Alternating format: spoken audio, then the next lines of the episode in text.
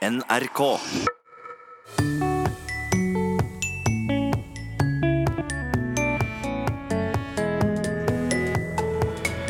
Hva er budskapet her? Ja, det var snilt gjort av deg. Voksne kan avsløre at dette er ment ironisk, men hva med barn? Når forstår dem slik dobbeltkommunikasjon?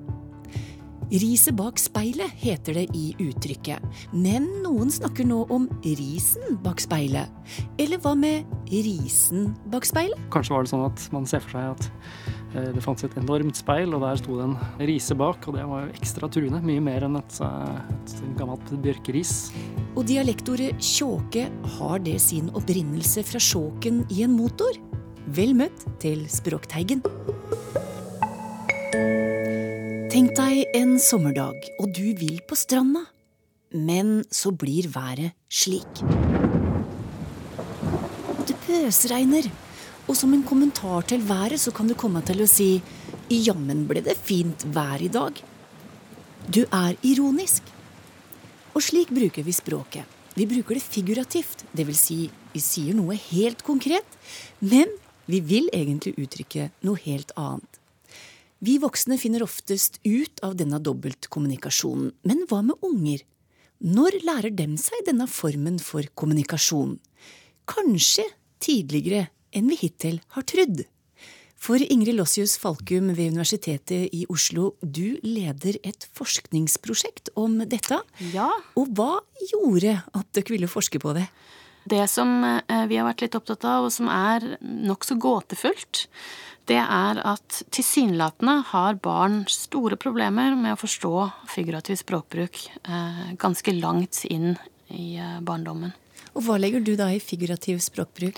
Så figurativ språkbruk vil da være typisk eh, bruk av metaforer, ironi, eh, det vi kaller for metonymi eh, osv. Det er mange ulike former for figurativ språkbruk, men de involverer alle at man bruker et uttrykk som har en bokstavelig betydning, eller uttrykk eller en eh, setning som har en bokstavelig betydning. Uh, og at det som kommuniseres da er noe annet enn denne bokstavelige betydningen. Du sier det er litt gåtefullt at de har problemer. Hvorfor sier du det? Det som er veldig interessant, er at uh, små barn tidlig uh, har en velutviklet evne til å uh, kommunisere. Så helt fra de er baby, så kommuniserer de ved hjelp av blikk, senere ved hjelp av gester, og enda senere ved hjelp av ord. Og de har da det vi kaller for en eh, tidlig utviklet pragmatisk kompetanse. Eh, det vil si da evnen til å eh, kommunisere ved hjelp av språk eller gester osv. Dette er ganske imponerende hvor presist de klarer å kommunisere. Ved hjelp av ytringer av ulike slag, ikke-språklige ytringer. De peker, de strekker seg, de, de gjør en hel rekke ting som, som viser og, og, de uttrykker da eh, ønsker og behov på en ganske presis måte. Mm. Når de begynner å lære seg språk, så er det også ganske imponerende hvordan de da er i stand til, når en voksen bruker et ord som de ikke har hørt før, hvordan de er i stand til å da slutte seg frem til hva den voksne faktisk mener ved bruk av det ordet. Ja. Så ganske tidlig eh, så barn, har barn en, en velutviklet eh, pragmatisk kompetanse.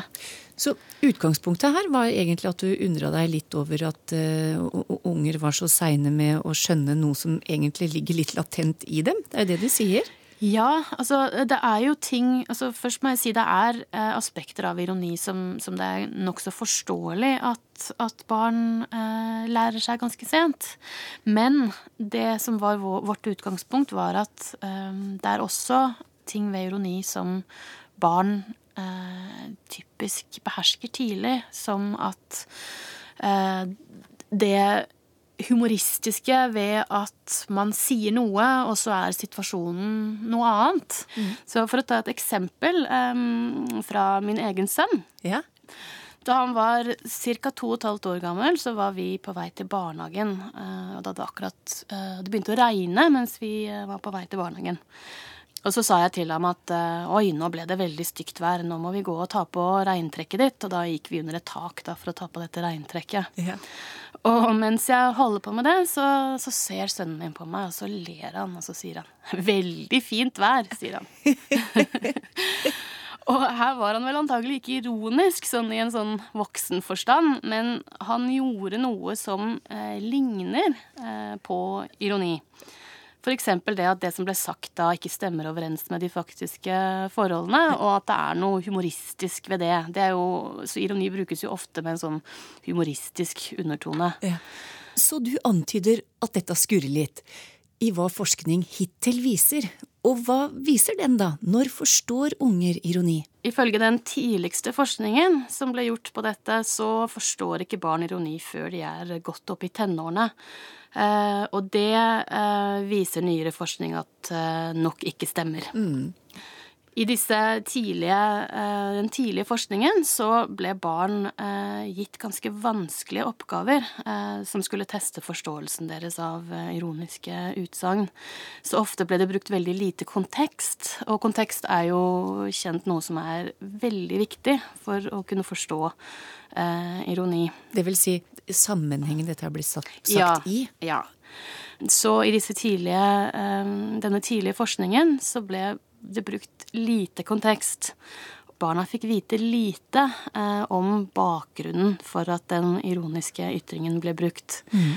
I tillegg så ble de også stilt nokså vanskelige spørsmål som da skulle teste eh, forståelsen deres. Så etter at en, en, person da hadde sagt noe ironisk, så ble barna spurt hva mente egentlig denne personen da hun sa ja. eh, det og det? Ja. Hvorfor sa eh, denne personen det og det? Eh, og det kan jo være nokså vanskelig for barn å svare på. Nå har dere gjort en ny studie, og hvordan gikk dere fram da? Det vi ønsket å se på, var om vi kunne lage ironiske ytringer med et sånt late som-tonefall. Med en sånn veldig overdreven tonefall som tydelig signaliserte overfor barna at her er det noe vi ikke mener, ja. som vi sier. Mm. Så ønsket vi å se om dette gjorde at det var enklere for dem å forstå at den voksne da distanserte seg fra det som ble sagt. Og det vi fant, da, hvis vi så på liksom alle um, de ironiske ytringene under ett, uavhengig av hvilket tonefall som ble brukt, så fant vi det samme som den uh, øvrige forskningen uh, finner, at rundt seks-syvårsalderen så er faktisk barn nesten like gode som voksne på ironiforståelse. I hvert fall i vår test. Men det som var interessant, var at fire- og femåringene, som jevnt over gjorde det ganske mye dårligere enn seks- og syvåringene i denne testen, de var mye bedre hvis ironien ble uttrykt med et veldig sånn overdrevent, parodisk tonefall. Så da er deres foreløpige konklusjon at uh, ganske små unger kan skjønne eh, ironi, da? Ja, altså mye tyder på at de forstår i hvert fall enkelte aspekter ved ironi tidligere. Om de har en full forståelse av, av, den ironiske betydningen i disse situasjonene, er nok mer usikkert. Da trenger vi mer forskning for å vise det. Men det er tydelig at variasjon i tonefall, eller bruk av et tonefall som de kjenner fra før, gjennom lek osv., det gjør at det er enklere for dem. Dette er et forskningsprosjekt som varer fram til 2020, og hva skjer videre med de funnene dere har gjort så langt? Neste fase nå er å se på um, sammenhengen, eller den mulige sammenhengen, mellom barns ironiforståelse og um, antakelser, de, antakelser de gjør om taleren av den ironiske ytringen.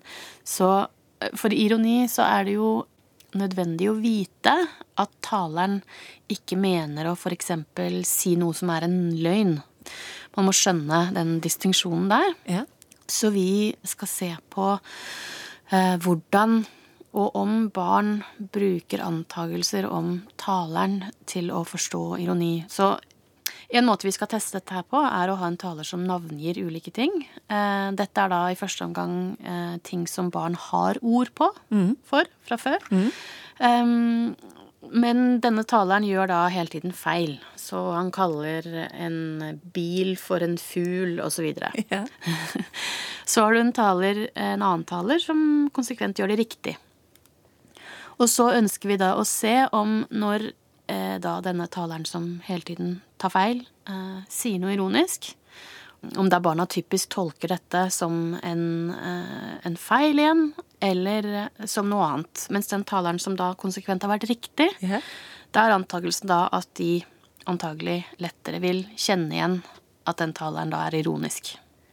Nemlig. For vi kan jo kjenne oss igjen det her, vi som har eh, unger sjøl eller er i nærheten av unger, når vi tuller med dem i språket, da. Ja. Og sier ja, men den boka der er kjempefin, og så peker vi på en fugl. Ja.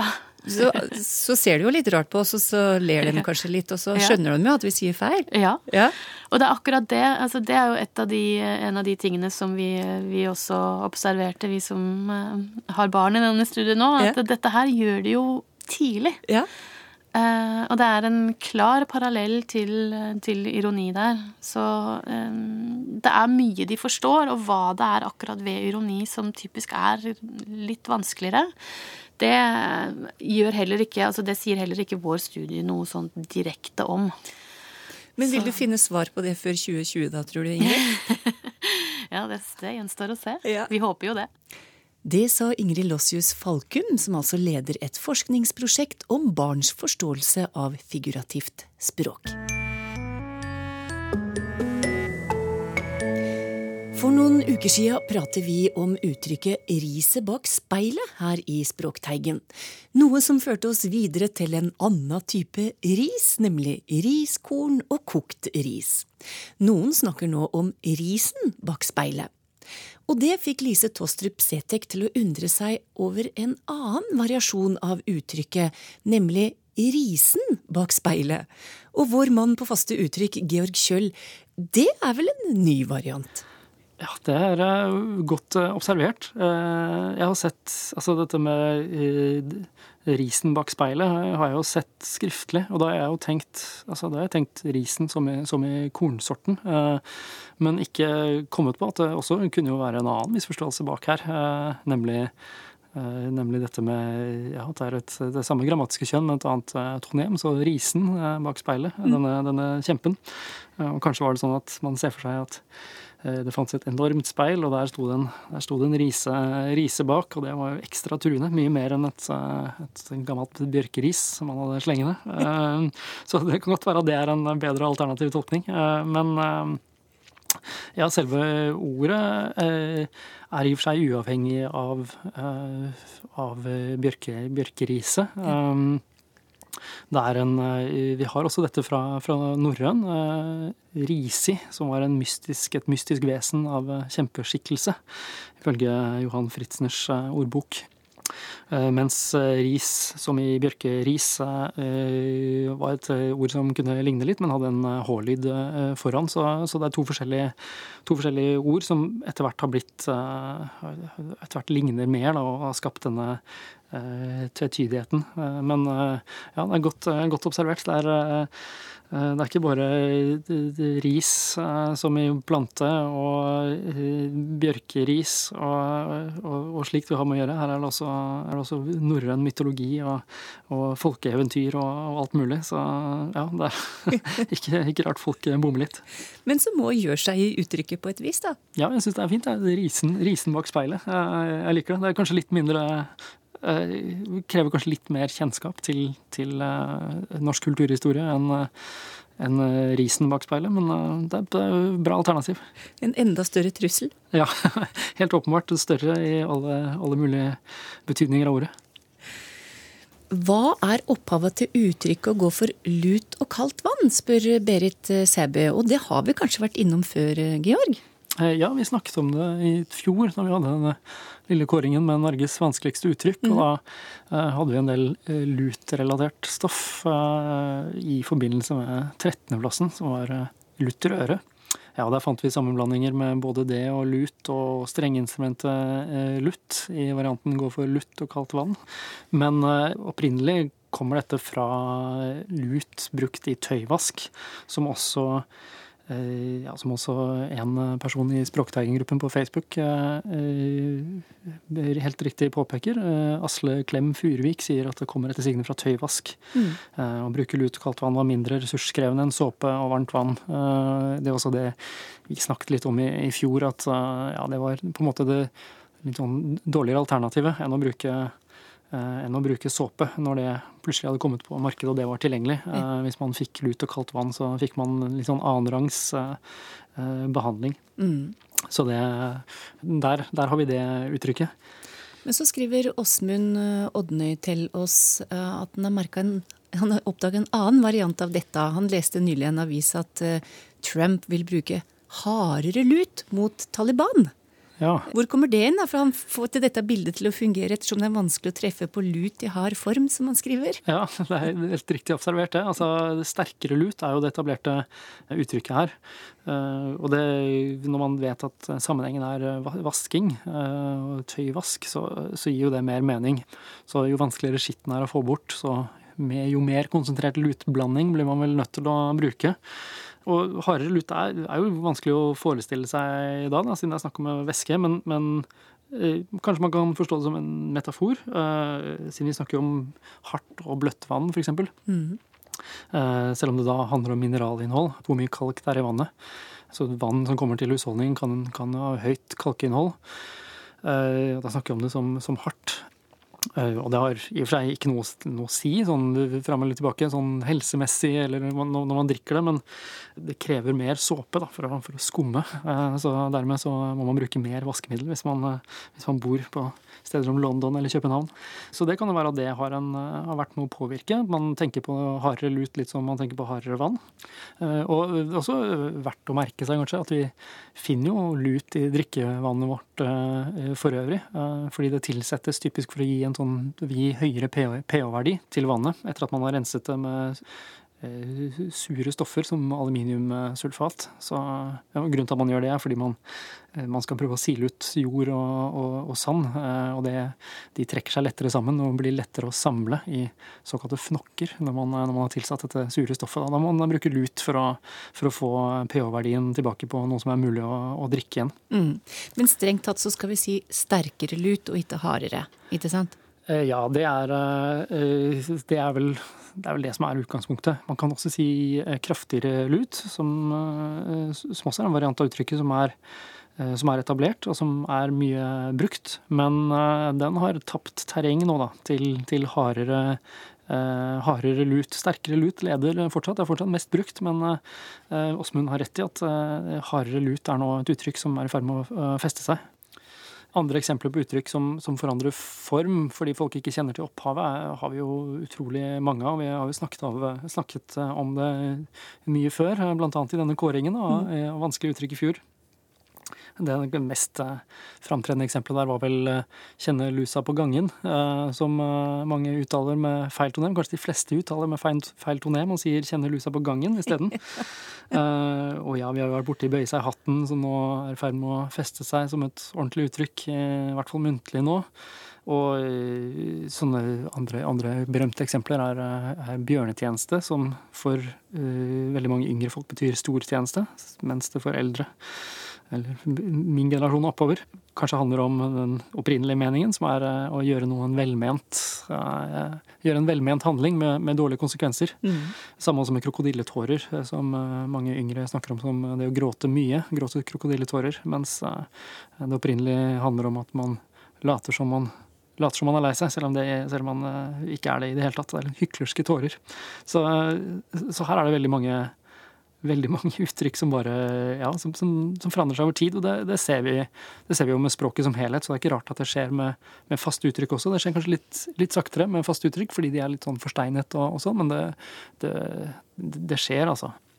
Altså Bjørntjeneste og krokodilletårer er jo noe mange er på en måte opprørt over at skjer. At uh, dette, denne meningen forandres.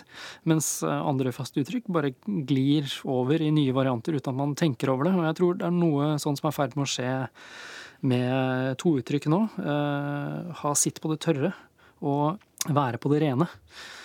Hvor eh, det er svært vanlig å høre eh, være på det tørre eller ha sitt på det rene. Og hvis man spør folk, så om hva som er riktig, så, så er det Ja, det er de færreste av de jeg har spurt så langt, som, som klarer det der 100% av tiden. Hva som, hva som, hører til hvor, og hva som er rent og hva som er tørt. Så, så dette her kan nok også være noe som forandrer seg i løpet av ganske kort tid. Georg Kjøll svarer på spørsmål om faste uttrykk i Språkteigen. Vi skal ha flere lytterspørsmål, og nå skal det handle om dialektord. Det betyr at Tor Erik Gjenstad sitter klar til å svare. Og det første spørsmålet kommer fra Carl Even Torstveit. Han skriver Jeg har en kamerat som påstår at uttrykket tjåke, som i tjåkefullt, kommer av sjåken på en motor. Altså at motoren ble sjåkefull av bensin. Dette kan da umulig stemme, spør Karl Even, men han og kameraten ble enige om å sende spørsmålet hit til oss. Så hva sier du, Tor Erik? ja, eh, det er nå iallfall muligens en sammenheng. Tjåke fullt, ja, det, det, kan egentlig ha to opphav. Det altså, har jo et eh, gammelt norsk verb å, å som kan bety flere ting. og Strev og slit og gnu og, og skubb. Mm. Så det kan jo være ei rot tilbake dit, men det kan jo være påvirket av engelsk 'chockfull', eh, som betyr eh, stappfull. Og det har visstnok det her verbet 'to choke', som betyr å kvele i første leddet. Og, og choken på en bil det er også danna til det her verbet her. Mm. Uh, choke. Uh, å kvele. For den er jo egentlig, ser som plasser det definert som kvelerspjell til forgasser, så det har jo med kveling å gjøre. på en måte den der sjokken i bilen òg. Så muligens en sammenheng, ja. Mm. Kari Grønningsæter sitter og les i mormora sine gamle dagbokbrev fra ei jordomseiling som hun eh, gjorde med en fullrigger i 1913. Og om bord der så var det òg to griser. Og da disse ble slakta, så husker mormora at det ble servert god mat. Nå lever vi med peiken, brukte Sturten å si. Hvor kommer det uttrykket fra, og hvem er peiken, spør Kari. Ja, eh, det der var iallfall nytt for meg. ja. Eh, så jeg måtte eh, slå opp i Norsk ordbok, og der finner du da uttrykket 'leva med peiken'. Mm -hmm. Definert som å leve i drikk og rangel og la humla suse. og det skal nok ned til Agder, ser det ut for. Det er ei avhandling om dialekten i Kristiansand av Arnulf Johnsen. Han forteller det at en peik det var navn på gamle renovasjonsarbeidere, eller søppelmenn, for å si det rett ut. Og, og de var heldige for at de kunne være litt si på supen. Så derav skal det komme det der å leve med peiken. Men hvorfor de da ble kalla for peik, det vet jeg ikke noe mer om, dessverre. Det er òg et annet belegg på det ordet peik ifra Hans Ross. Eh, Norsk ordbok av 2095. Han har det fra Eiken, og også i Agder, og da er det nærmest en, en uh, gutfark. En skjelm av en guttunge. Som er peiken? Det er peiken, ja. Hva, hva, er bakgrunnen for det, vet vi det? Eh, nei, altså gutpeik, det, det er noe kjent, og, og, da kan du nå begynne å kanskje ha kontakt med det her svenske pøyk. Ja. Poike. Mm. Men du tror mest på den? Uh... Ja, så langt så, så, tror jeg jo på uh, han som var ekspert på kristiansandsdialekten, og som har akkurat det uttrykket her. Ja. Mm -hmm. mm. Vi har et uttrykk hos oss når jula nærmer seg. Da gjelder det å ikke bli gålåmonn galstaur. Det ble du kalt dersom du var den siste som sto opp om morgenen på lille julaften, eller sjursmessedagen, som det er da. Jeg har aldri hørt noen av vennene mine bruke dette uttrykket, men jeg vokta meg vel for ikke å bli akkurat det, skriver Eva Hestad. Men hvor kan dette uttrykket ha sitt opphav fra, og hva, hva betyr det egentlig? ja, det er ikke så godt å si. Eh, jeg har vært borti det. Men ikke akkurat om det her, om den sist som står opp. Uh, det finnes det ellers uh, mange forskjellige uttrykk for. Det, uh, det var noe sånn generelt om morgenen, ikke nødvendigvis bare sjursmøsdagen. Men heim så ble jo den siste til en banflokk, sistemann opp, han ble jo kalla porkhusnabbe. så, så, det finnes noe slike. Men uh, Gålamund Garstaur, ja. Uh, Gardstaur det er jo gjerdestaur, slik som Eva Hegstad ganske riktig skrive uh, i e-posten sin. Gålamund Gårdamoen jeg tror jeg kanskje er ei omlaging av mannsnavnet Gudmund. Å? Ja, det kan være det. Og det her er jo trøndersk. Det, er, du kommer borti noe folketru og folketradisjon fra Inntrøndelag. Mm. Og Gålamund gardstaur, det var egentlig et slags vette. Eh, det var jo slik at om julekvelden så skulle de ikke ta av maten. De skulle ikke rydde bordet. Eh, fordi at da, da kom eh, de døde slektningene skulle komme og forsyne seg av det der om natta. Og Gårdamoen Gardstaur han eh, var en som da eh, mente kom om julnatta og skulle få ete seg mett. Så det har vært eh, en slags vette representant for de døde. altså Et vette knytt til, til jula. Og jeg har vært borti at det var tre slike som kom, og det var noen rare navn på alle sammen. og Gårdamund Garstaur, og så en av dem. Eh, så det har nok vært opprinnelig et vette knytt til jula. Ja. Og her er det da flytta over på eh, morgenen på lillejulaften eller sjursmøsdagen. Det er noen opplysninger om, eh, også om at det skal være bruka som utnavn. Det er en informant fra Ungdala, det er jo ganske nære Sparbu, som det her kom ifra. Mm. Og så er det en ting til her med Altså, det er en merkedag som het Gudmundsdagen. Jaha. 16. mars, gammel merkedag. Og det skal skrive seg fra en islandsk bisp, Gudmund Arason, som døde i 1237. Og den dagen, Gudmundsdagen, den er også av og til kalla Gullmund gardstaur. Oh, yeah. så, så, det er en litt uh, merkelig uh, mulig sammenheng her. Og det er nå egentlig et helt forskningsprosjekt å greie ut det der med med Gårdamund, Gardstaur, Gudmundsdagen og Det er iallfall gammel, uh, gammel folketru du kommer borti. Jeg har hørt dialektordet svalke i Stange Hedmark. Noe som skal bety å banke opp eller gi juling. Men hva er korrekt betydning, og hvor utbredt er det, spør Lars Christian Nordby. Ja, eh, det er verb her, altså å svolke. Mm -hmm. Og det vil jo da si å slå eller ris med en sykk.